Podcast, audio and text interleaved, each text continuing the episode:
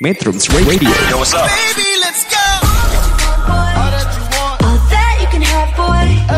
Got me spread like a buffet. Bon night. Now they always say congratulations. Come and strip that down for me. I'm on my way. Girl, come and strip that down for me. Yeah, yeah, yeah, Metrums yeah. Radio, media terintegrasi kaum muda. Halo, Assalamualaikum. Sunnah Rasul ada banyak banget kan? Dan salah satu yang paling sederhana yaitu tidur.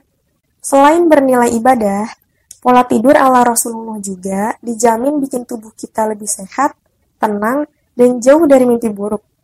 Apa aja sih kebiasaan tidur sehat ala Rasulullah? Yang pertama, posisi tidur miring ke kanan. Nabi Muhammad mengatakan, berbaringlah di atas rusuk sebelah kananmu. Dan ya, karena posisi jantung ada di kiri, jadi tidur posisi miring ke kanan lebih aman daripada miring ke kiri. Ini juga buat kamu terhindar dari gagalnya fungsi jantung loh. Nah, yang kedua, meletakkan tangan kanan di bawah pipi kanan.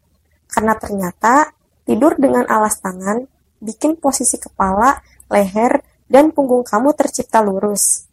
Yang terakhir nih, siapa yang suka tidur tengkurap? Nggak boleh ya. Nabi Muhammad pernah bilang, kalau ini adalah cara tidur yang tidak disukai oleh Allah. Tidur tengkurap juga bahaya ya teman-teman, karena bisa bikin otot dada dan pernafasan kamu nggak bekerja dengan baik. Yang nantinya asupan oksigen dan kinerja jantung ke otak jadi berkurang deh.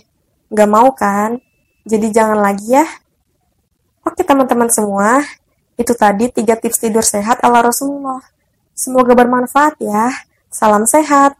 Aku Zainab Firdaus. Assalamualaikum. Metrums Radio, Cause I can't get crazy. media terintegrasi kaum muda.